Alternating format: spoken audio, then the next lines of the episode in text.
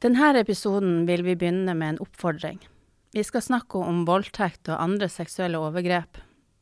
Har du opplevd eller vært utsatt for det, kan innholdet føre til vonde og vanskelige følelser. Så hør på episoden sammen med noen.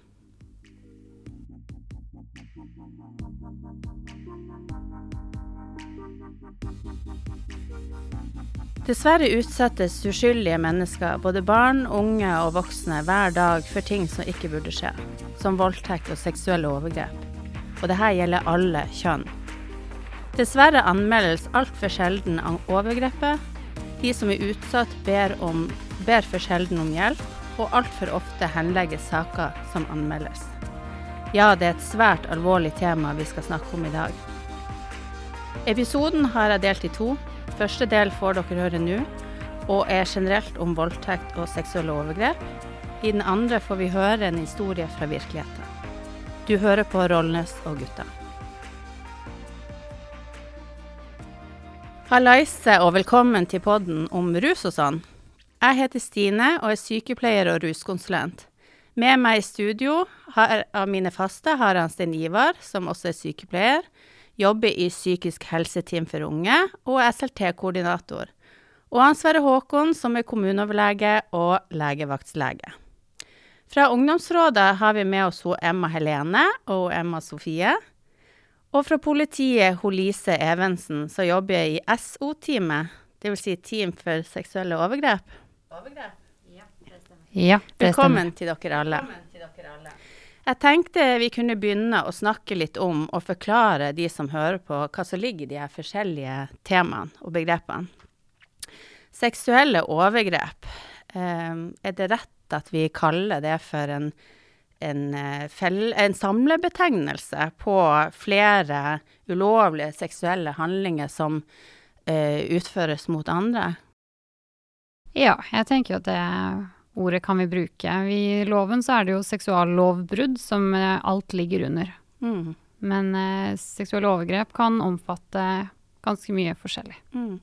Jeg fant en eh, definisjon som jeg syns var, eh, som jeg syns hørtes ut som ganske passende. da.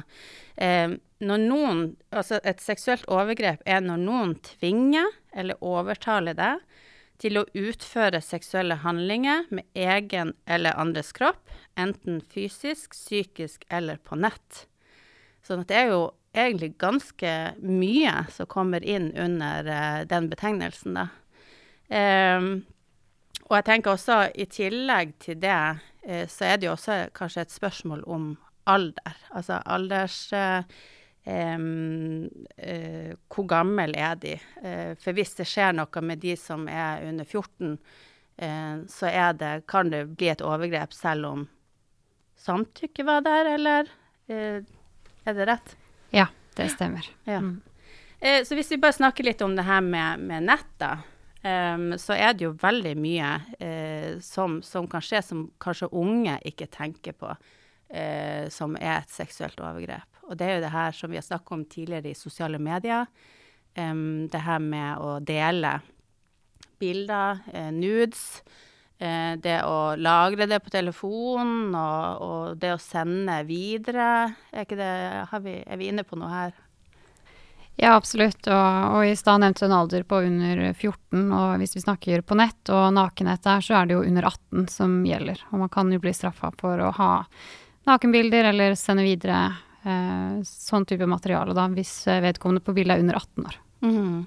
Ja, og det er jo, jeg vet ikke hva dere sier, unge, dere ungdom, men altså, det er jo ganske vanlig, altså ikke hverdagslig, men det er jo en del som sender nakenbilder, er det ikke det? Ja, jeg vil egentlig si at det er kanskje daglig. Man ser det jo overalt av enten venner eller 'Å, se hva jeg fikk', eller kanskje du er en av de som sender det videre sjøl. Mm. Men tenker dere over på at det der faktisk kan Altså det er straffbart? Jeg tror veldig få tenker over at det faktisk kan komme tilbake til dem, fordi at de tenker at ja, men det er jo bare noe jeg gjør nå. Jeg kan jo ikke bli straffa for noe jeg gjorde når jeg var 14 eller 15 år gammel. Mm. Mm. Ja, jeg tenker bare Det er viktig å presisere der at det er jo ikke straffbart for de som tar bildet og sender det, for det har jo de gjort av egen fri vilje. Men det som kan være potensielt straffbart, er jo de som blir sittende med dette på telefonen sin, og eventuelt den videre delingen da, av et sånn type bilde eller video. Det er jo det som er straffbart. Mm. Men hvis en eh, gutt eller mann da finner ut at han skal sende et bilde av sine edlere deler til noen som ikke har bedt om det, Mm. Er ikke det straffbar Eller kanskje ikke straffbart, men kan det betegnes da som et overgrep? Ja, potensielt sett så kan det jo det, hvis det ikke foreligger et samtykke fra den som mottar ja. bildet. Mm. Og det tror jeg ofte kan skje, for de fleste er det vel ikke så mange som ber om å få det hvis man ikke er i en relasjon. eller sånn, ja. Jeg tenker et spørsmål til dere ungdommer. Er det ikke sånn gruppe på, på, på Snap også som administreres av av unge, og så må du, for å komme med i den gruppen, så må du ha sendt spesielle typer bilder eller hendelser og sånt? Ja, det, det kan godt hende at det, det Jeg har ikke sjøl vært borti det, men jeg hører jo om det. At folk snakker om det, eller at, at det fins. Så administreres det av de som er fra helt ned i elleveårsalder, kan være? Ja, det kan jo være liksom for at du skal kunne bli akseptert av de som er eldre, for du vil jo gjerne det når du er liksom 10-11 år gammel. Eller så kan det være de som er litt eldre, eller til og med de som er passert 18. Men litt tilbake til den, eh, den, definisjonen, da. For det er jo litt det her med at uh, og, og, hvis vi snakker om nett også, så handler det om at noen kanskje utgir seg for å være noen andre enn det de er. Det vi også snakka om tidligere. At det kan være voksne som utgir seg for å være yngre og kanskje får noen til å sende bilder av seg eller videoer. Og, og det her er jo et ganske sånn vanlig eller utbredt problem, da. Eh, og det er jo eh, noe som er eh, ja, som er litt som skummelt, da. At det er faktisk er voksne, kan være voksne som sitter og, og sender de her. Og, og, det her er jo da um, alvorlig og, og, kan være, eller er straffbart, hvis, uh, hvis man anmelder det. Hmm. Men så har vi jo de her eh, holdt på å si mer alvorlige hvor man blir utsatt for, eh, eh for da. Altså at du faktisk eh, blir f.eks. voldtatt. Um, og det er jo at noen da gjør noe seksuelt med, eh, med deg, eller Eh, eller ja, uten at du har samtykka eller er i stand til det, eller ikke i stand til å motsette deg den handlinga, da. Er, er, det dekkende, holdt på å si, for, for, det vi tenker på som voldtekt? Ja, det kan også være at du blir eh, på andre måter trua til å utøve handlinger mot deg sjøl eller mot noen andre enn det du har lyst til, da. Mm. Mm. Eh, handler det også på nett? Kan det være at du tvinga til å filme deg sjøl og seksuelle handlinger med deg sjøl eller andre, da. Er ja. det også en voldtekt, holdt på å si? Eller er det under seksuelle overgrep? Ja, det blir nok heller et annet type seksuallovbrudd. Mm. Det gjør det nok. Eh, mm.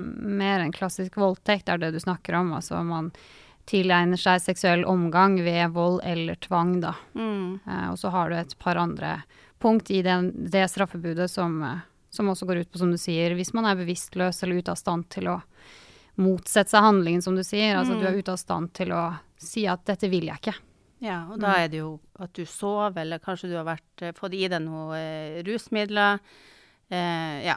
Mm. Eh, er det, hvordan er det i samfunnet, Sverre Håkon? Jeg tenker sånn i forhold til Er det mer overgrep eller, eller voldtekt eh, nå enn Altså, hvordan har utviklinga vært, vet du noe om det? Tror politiet kanskje har de beste sånn, registreringene på det. I hvert fall, det er i hvert fall viktig det at man får si fra til politiet hvis man eh, mener man er utsatt for noe sånt. Mm. Eh, og vi ser jo hendelser jevnlig eh, på at sånne ting skjer. Eh, mm. og at de da heldigvis også tar kontakt med helsevesenet, for det, det er veldig, veldig viktig. Mm. Eh, du skal få si noe, Sten Jeg skulle bare si det at det, eh, det, som kan være litt vanskelig å vite, det er jo og skjer det flere eh, overgrep eller voldtekter, da, eller er det faktisk det at folk tør å si fra nå? Altså, det er jo det man ikke helt vet hva som er hva. Eh, kanskje det er like mye som det har vært hele tida, men at faktisk nå er det mer bevisstgjøring, og at det, det er mer aksept for faktisk å, å melde fra. Mm. Ja. Nei, for det der er jo alle de mørketallene. Og det er jo Mm. det, ikke sant. Om det skjer flere eller hyppigere, det er jo det som det definitivt er usikkerhet med. Eh, og så, så det, det der er vanskelig å si om det er flere eller om man er mer bevisst på å si fra. Eh, og så klart også er det ei, utfordring med av og til å si fra. Eh, ofte så kan det hende at det er folk man kjenner, venner som kanskje har utsatt en for det her, og så er det en, en utfordrende terskel med å melde ifra, fordi at det kan hende det også det her er noen du kjenner. Eh, Det som i hvert fall er veldig viktig, det er jo at man faktisk sier ifra, også om det er mistanke om det, eh, melder fra til politiet, eh, og ta kontakt med ja, om det er fastlegen din på dagtid, eller legevakta på kveld, eh, natt og helg. For det som er så viktig, det er det man kaller sånn sporsikring. Altså hvis det har vært et seksuelt overgrep, så er det så veldig viktig at man så snart som mulig får gjort en undersøkelse og sikra spor. Altså da skal man ta prøver fra, fra underlivet og, og ja, gjøre dokumentasjon på at det kan eh, ja, være funn som, som bekrefter det her. Eh, og det er sånn at det gjør man ikke mm, på Det er ikke noe legevaktlege eller fastlege som gjør det her. Da har man et eget team eh, som man har da i Harstad med gynekologer og spesialister. Vi kommer litt tilbake til det, Stein Ivar. Jeg har vært i kontakt med en overgrepsmottak i, Harstad, dersom Narvik sogner til, i forhold til trenden om det er økende eller eh, dempende trend i forhold til aktivitet på det. Og det, det de sier at det er- ligger på en 50-60 saker de får inn i løpet av året. Og det vil jo si hver eneste uke får de inn saker. Men så har det vært en eh, synkende trend under eh, koronatida. en men det trenger ikke å være et tegn på at det har vært mindre overgrep. Det kan være veldig høye mørketall, antar de også. Og så merka de når eh, landet åpna opp igjen, at det ble raskt økende trend i forhold til overgrep, seksuelle overgrep og voldtekt. Så de fikk inn på mottaket i Harstad. Ja, det snakka vi litt om, eh, du Lise, i forkant av det her med pandemien, og at det, det kanskje skjer ting eh, hjemme, hjemmekontor og hjemmeskole og litt sånn her, at det skjer ting bak lukkede dører, da. Men at, eh, at dere ikke har sett noe økning i den perioden, men forventer nå. Eh, og det har vel kanskje litt med at samfunnet åpner, at det er lov å, å, å nyte alkohol igjen. Eh, for det er ofte sammenheng, da. Ja, vi ser ofte at eh, rus og, og beruselse har mye å si for, for de her voldtektssakene, og at det blir spørsmål om det samtykket, da, som vi hele tiden kommer tilbake til. Altså var dette en villa handling? Eh, Vi snakker jo også om, om vi skal si så mye om det her med hvem som utfører det her. Også, også, for vi har jo ikke lyst til å skremme de som hører på, for det kan faktisk være eh, noen du kjenner. og Ofte så er det det, for det, det er mer faktisk av eh, ikke de her overfallsvoldtektene som vi tenker på. Når vi tenker på voldtekt, så er det liksom noen som blir dratt inn i en hekk og blir voldtatt. Det er ikke så mange av de. Det er faktisk mest av de hvor eh, det er noen man kjenner. Og det er liksom viktig at vi poengterer det, fordi at de som har opplevd det her, skal vite at det er ikke greit det de blir utsatt for, selv om det der var en venn eller en kjæreste eller eh, noen nære i familien, f.eks. Er litt sånn spørsmål til, til deg som politi. Hvor ligger det det her i forhold til samtykke? Hva, hva vil det si? For jeg vet det har vært debattert mye. Hva, hva er et samtykke? Hvordan skal du skjemaene skal du signere, eller hvordan skal det være? Hvor er status på det akkurat nå? Ja, altså vi har jo eh, Det har vært debattert, vet jeg, med en type samtykkelov. Eh, men eh, verken politiet eller eh, Justisdepartementet er noe særlig inne der, eh, så vidt jeg vet, da. Men det som er med samtykke, er jo at eh, han, Jonis Josef har en sånn her film for Redd Barna hvor han snakker om eh, Vil du ha en kopp te? Og han beskriver det veldig godt i den filmen. Altså hva er et samtykke? Eh, for eh, hvis noen har sagt nei, eh, og man fortsatt da gjennomfører et samleie eller en seksuell handling, så er det potensielt straffbart. Kanskje ikke nødvendigvis etter voldtektsparagrafen, men det kan finnes andre paragrafer som tilsier at det ikke var lov da. Vi har jo også det som he heter samleie uten samtykke. Så det går an å anmelde um, seksuelle overgrep, eller altså seksuallovbrudd også, selv om det ikke har vært vold eller tvang involvert, men det at du faktisk sa nei gjentatte ganger. Men det blir jo til syvende og sist så er det en jurist som skal vurdere om dette er noe som kan straffes, da, eller ikke. Hvordan straffeutmåling er det på samleie uten samtykke? Det kommer helt an på situasjonen. Eh, alder på vedkommende. Eh, det er jo der vi da gjerne er. Eh, og omstendighetene rundt eh, overgrepet, da. Mm. Så tenker jeg Det er viktig også at vi får med oss det her med at det ikke bestandig man er i stand til å, å gi et samtykke. Eh, og, og, det kan være mange årsaker. Det kan være at man har fått i seg noe, eh, man har fått i seg noen rusmidler, kanskje man har drukket, kanskje man er bevisstløs, eller kanskje man rett og slett sover. Men så er det òg det at veldig, veldig mange som kommer i en situasjon, fryser til. De klarer ikke å verken si nei eller motsette seg. Eh, for det er en slags sånn overlevelsesmekanisme som vi har tatt fra dyrene, det der med å, å liksom bare fryse til og ikke gjøre noen ting. Og, og, eh, og, da er det jo veldig, veldig vanskelig selvfølgelig å skal bevise det her i etterkant. Også det her. Eh, og det er jo derfor vi ønsker at det skulle komme en samtykkelov, eller at samfunnet ønsker at det skulle vært litt mer eh, konkret lov på hva er et samtykke, da? Og det er fordi at det er veldig vanskelig å bevise at du frøys til. Eh, det er vanskelig å bevise at du sov. Eh, og, og, ja, og det er litt, litt, av det du må bevise, da. Du har, ikke, du har kanskje ikke vitner, og, og, sånne ting som skal til for at du får eh, en dom på det. Ja, og sånn som det er i dag. Hvis du, hvis du sier at du på en måte ikke Du ga ikke noe motstand, du sa ikke nei. Altså du gjorde ingenting aktivt selv for å avverge dette her, så er, havner det veldig ofte i en henleggelse. Fordi at vi har ikke noe lov som dekker det. Og nettopp derfor er jo denne samtykkeloven så aktuell, da. Men hvordan vi som politi eller juristene skal klare å belyse det også, blir jo en utfordring i ettertid. Og det er derfor jeg vet at mange argumenterer mot denne type lov. Fordi at eh, det er ikke dermed sagt at sakene blir oppklart. For vi står veldig ofte med ord mot ord, og, og hva er det som faktisk skjedde innenfor de fire veggene når det aktuelle skal ha skjedd, det, det, er ofte vanskelig å bevise. Så da er det jo sånn som eh, Sverre Håkon sier også, at eh, man i hvert fall melder ifra tidlig og får sikra spor hos overgrepsmottak, og, og, gjøre de rette valgene kort tid etter at det har skjedd, i hvert fall kan jo gjøre at man har en sterkere sak, da. Mm. Eh, jeg vil også bare presisere det, for det er ofte når vi snakker om voldtekt eh, spesielt, så tenker vi at det er jenter som blir voldtatt.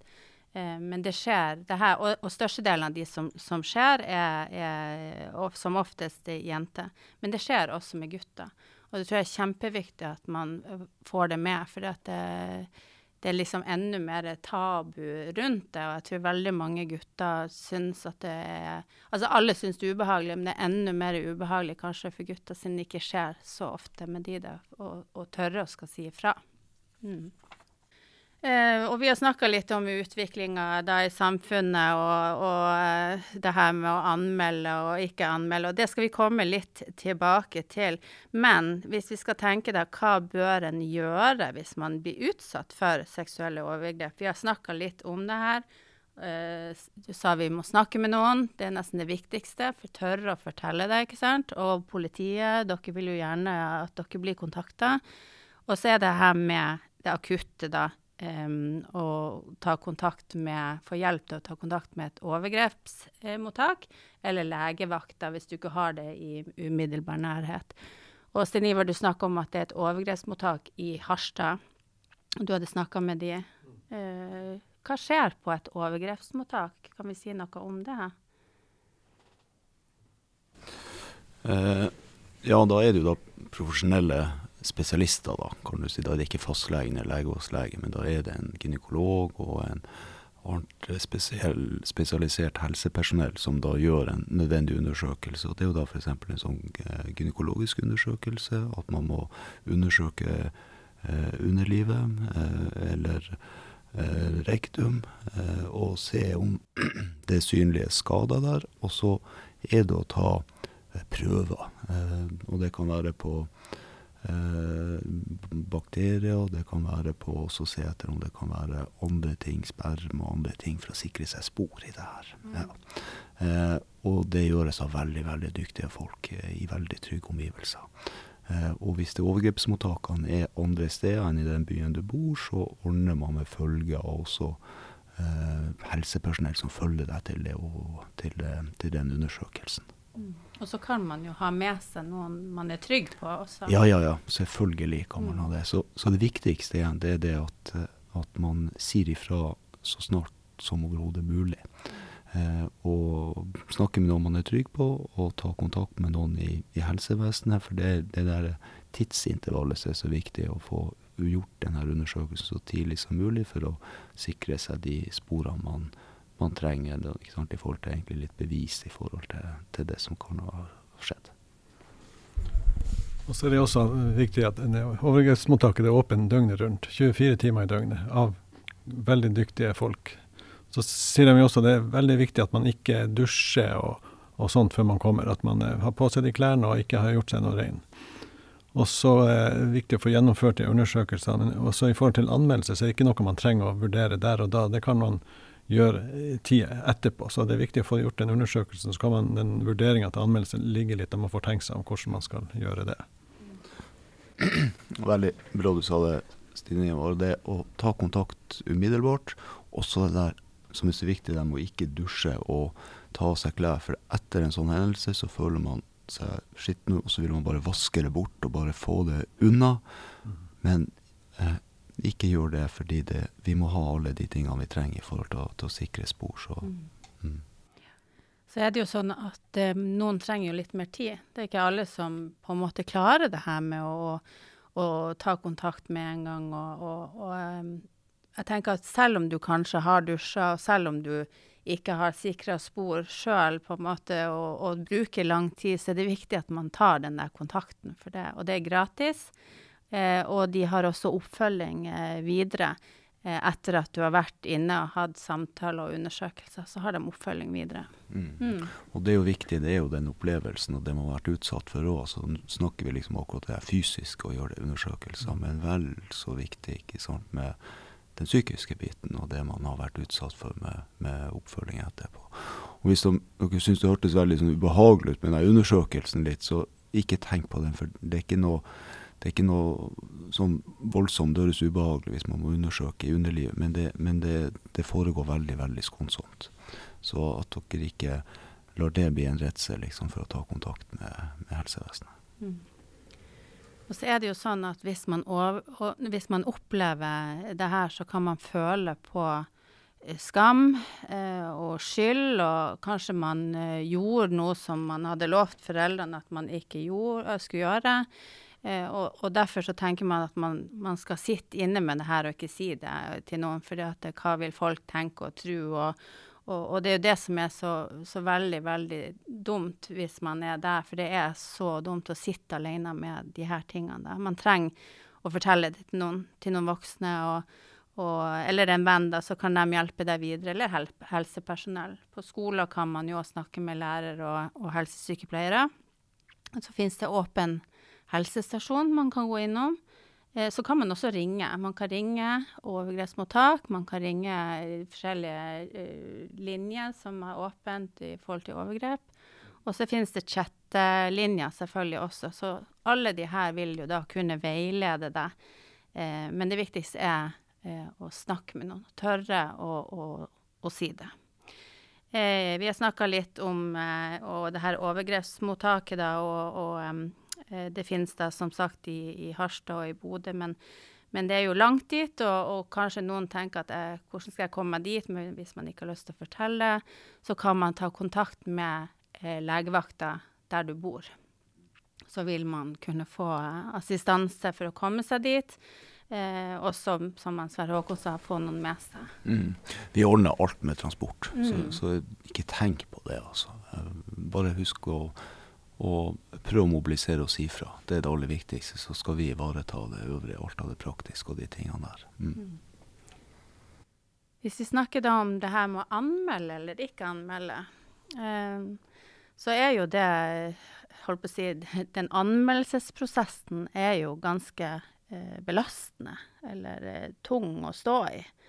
Men så tenker jeg at det er liksom viktig å få med hva er hensikten med en anmeldelse, da. Og jeg tenker at eh, for dere i politiet så er det jo liksom det, det, har skjedd, eh, det har skjedd noe alvorlig, det har skjedd noe ulovlig, ikke sant, sånn at man vil at det skal bli registrert. Eh, og så finnes det jo en overgriper, da. Um, eh, og det er ikke alltid at den er kjent, eh, men at, eh, at holdt på å si, alt kan være viktig å få ned uansett i en anmeldelse, i tilfelle det her er noe som gjentar seg. Kanskje det er en person som allerede er kjent. Eh, og at ja, kanskje metodene er kjent, ikke sant. Sånn at det kan være viktig kun for det å få, få anmeldt det. Ja.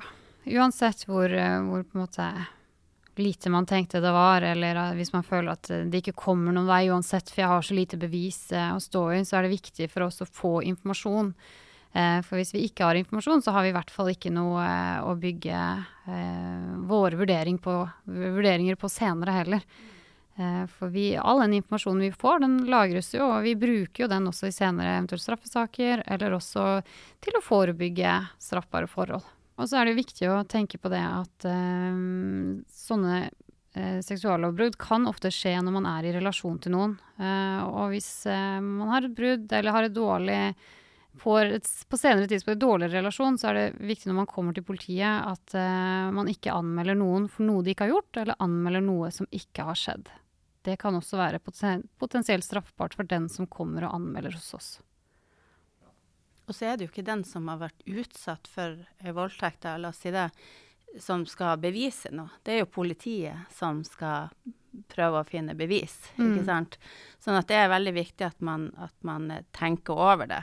Eh, og så er det jo det her med å, å anmelde. Altså kanskje du ikke får tatt en person, kanskje det ikke blir eh, holdt på å si eh, Du får straffa en person eller tatt en person, men du får eh, i hvert fall sagt ifra om at det som skjedde med deg, ikke er greit. At du ikke aksepterer det. Ja, jeg tenker du får ansvarliggjort personen på en helt annen måte mm. hvis eh, vedkommende blir sittende hos politiet i et avhør, eh, istedenfor at du kanskje går bort til vedkommende selv og sier at eh, det som skjedde da, syns ikke jeg var greit. Men selvfølgelig, det er veldig fint om man gjør det også, eh, i enkelte eh, situasjoner. Det er jo ikke alle situasjoner heller som kanskje egner seg hos politiet, men når det er snakk om seksuelle overgrep eh, og eh, seksuallovbrudd, så tenker jeg at det skal være lav terskel for å spørre noen, og så, eh, om så ta en telefon til politiet og fortelle hva du har vært utsatt for, og spør om dette er noe som kanskje burde anmeldes, da, hvis man er mm. usikker. Ja, det er som du sier, at du kan flytte faktisk ansvaret over på overgriperen. Og, og han vil jo få et ubehag. Og, og, det kan jo hende bare det at han inn til en samtale så å si kan forebygge at det skjer igjen, da. Eh, og så er det jo det her eh, med deg sjøl at du faktisk er en del av bearbeidelsesprosessen. Eh, at du står opp for deg sjøl, da. men Eh, som sagt, eh, Sverre Håkon, du sa noe med det. Eh, det kan være veldig, veldig vanskelig. Og ofte kan det jo være vanskelig fordi at du nettopp eh, kjenner den som har gjort det her mot deg. Mm. Mm. Ja, det er det. Og så er det jo ofte det du sier med, med, med skam. Og så tenker man sjøl om man har gjort noe som skulle tilsi at eh, liksom man liksom har skyld sjøl i at det her skjedde. Og det er jo den der skamfølelsen som gjør at kanskje man kanskje enda vanskeligere å å si ifra. Men ofte skjer det med nære venner, så, så vær snill å prate om det, og bruk, som du nevner, de du har rundt deg, som du stoler på, om det er venner. Og ikke glem mamma og pappa, selv om vi har snakka før at man eh, tenker at de eh, kanskje kan bli sinte. Altså, de er på samme parti som deg. Men ellers helsesykepleiere og, og helsevesen og det du har nevnt også med åpen helsestasjon. Den er jo åpen én gang i uka generelt, og er jo et gratis tilbud hvis man har behov for å komme i kontakt. Hvis man også har ja, seksuelle eh, utfordringer eller andre problemer, så kan man benytte den, og den er også gratis. Men snakk med noen og si fra, og gjør det så snart som mulig.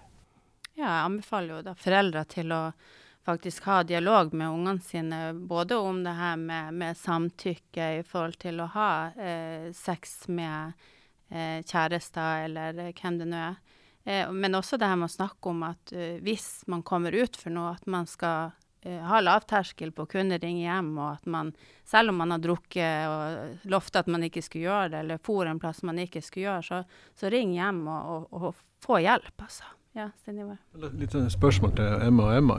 I forhold til dere, Når ungdommene er sammen, snakker dere mye om det her med, med samtykke? Hva er greit, og hvordan setter grenser? Hva er akseptabelt? og hvordan forholder man seg til det hvis det skal skje? Er dere, støtter dere hverandre, og på hvilken måte gjør dere det da? Um, altså, det er jo så klart litt fra gruppe til gruppe.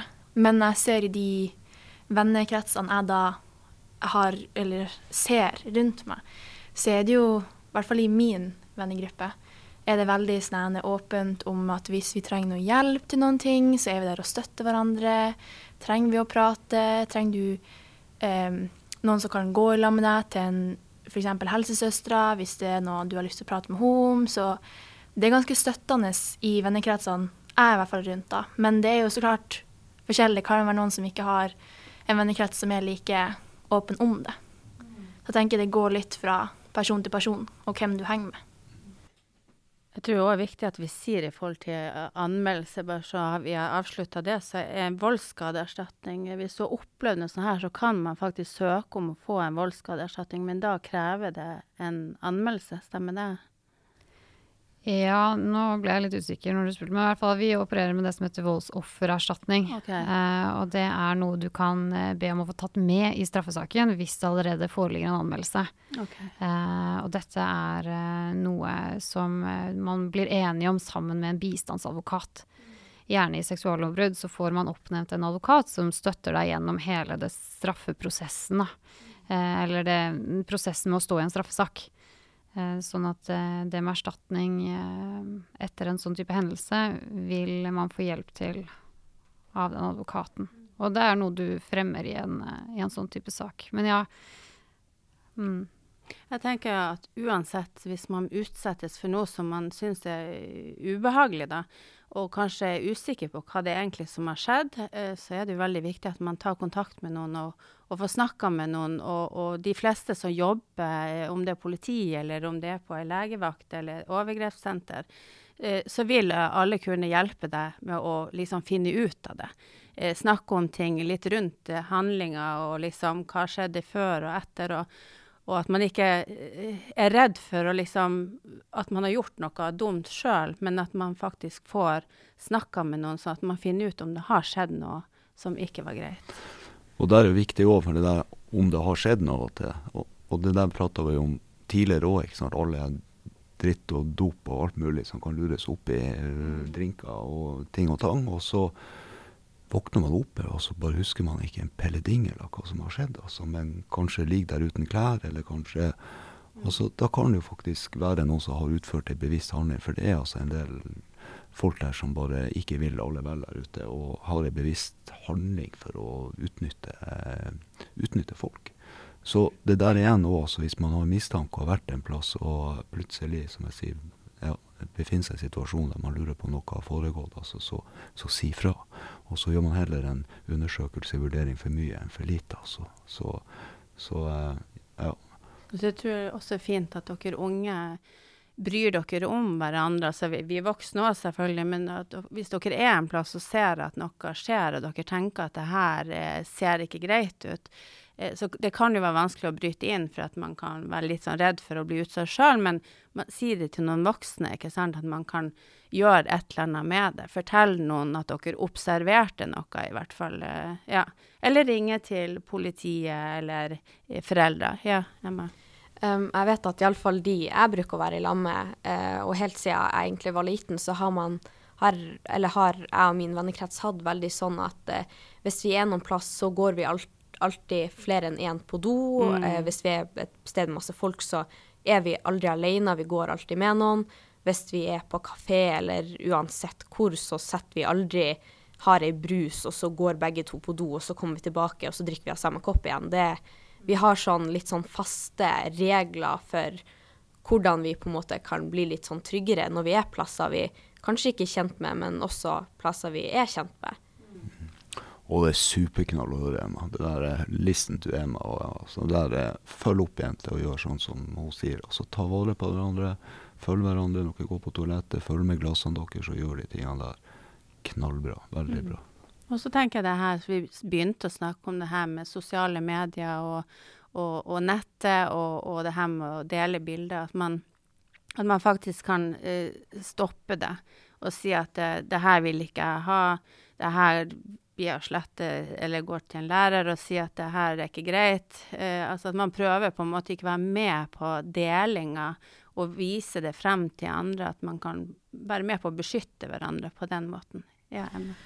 Ja, jeg ser jo bare litt sånn rundt om eh, med ungdomsskoler og sånne ting. Jeg føler jo at det har blitt en litt større, om man kan si trend, på en måte. Å dele bilder av seg sjøl eller ha den connectionen med andre folk. Mm. Det er blitt mer vanlig om at om man begynner å flørte med noen, så plutselig begynner det å gå over til deling av bilder. Og det er jo ikke nødvendigvis alle som vil ha det. Mm. Men jeg ser det er veldig mange som bare går med på det for at man ikke vil være frekk tilbake igjen og bare godtar ting som man egentlig ikke trenger å godta. Mm. Og jeg får jo høre fra folk rundt meg at det kommer jo når, Etter at du har delt noen bilder, det behøver jo ikke å være sånn skikkelig eh, at du er helt naken, eller at det, kan være bare et speilbilde. Så får jeg jo høre at det er noen som går og sender trusler, og bare at hvis du ikke har frivillig med meg, så skal jeg voldta deg. Og kommer du hit, så skal vi gjøre det i lag. Mm. Og det er jo litt sykt å tenke på, tenke på at uh, ungdommer nå er såpass De vokser på en måte opp så fort. Mm. Jeg er bare sikker på at om vi gikk tilbake igjen nå, ti år eller noe sånne ting, hvordan ungdommer var på den alderen som vi er i nå, er nok en helt annen um, um, Ja, Mm. Det har skjedd noe. det, det har skjedd noe der, og det har liksom Det er en annen personlighet på ungdommer nå for tida enn det var før. Mm. Ja, absolutt. Det tror jeg du har helt rett i. Mange som utsettes for seksuelle overgrep, holder for seg sjøl. De tør rett og slett ikke å si noe. Men å bære en sånn vanskelig hemmelighet alene er ikke bra. Og det kan gjøre at man får det vanskeligere senere i livet. Så fortell det til noen, uansett hvem. I neste del av episoden om overgrep får vi høre historien til ei som har blitt utsatt for voldtekt. Tanjas historie. Vi høres.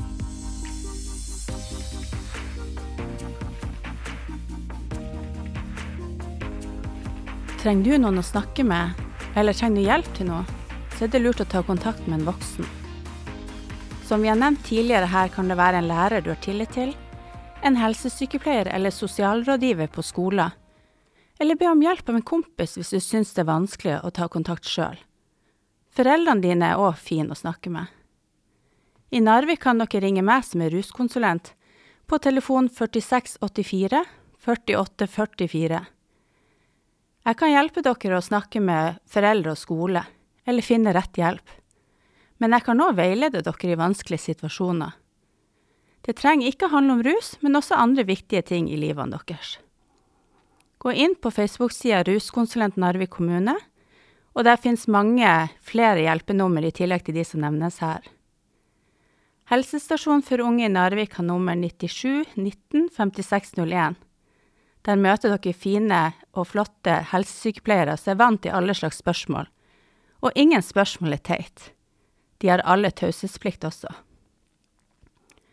Døgnåpne hjelpetelefoner for hele landet er annet Alarmtelefon for barn og unge 116 111 Mental Helse 116 123 Har du eller noen du kjenner behov for akutthjelp, ring 113 som er ambulanse, eller 112 som er politiet. Hvis man syns det er vanskelig å ringe, fins en del chattelinjer som soschat.no, side med ord.no, 116111.no, og alle de her er anonyme også. Denne podkasten er laga i regi av Narvik kommune for de unge med den hensikt å forebygge rus og fremme god psykisk helse. I tett samarbeid med alle ungdomsskolene i kommunen og studentradioen ved UiT Narvik bidrar politi, barnevern, ressursteam og kommuneoverlegen til å ta opp vanskelige temaer. Forarbeid til podden er av meg, som også er programleder. Jeg heter Stine Rollnes.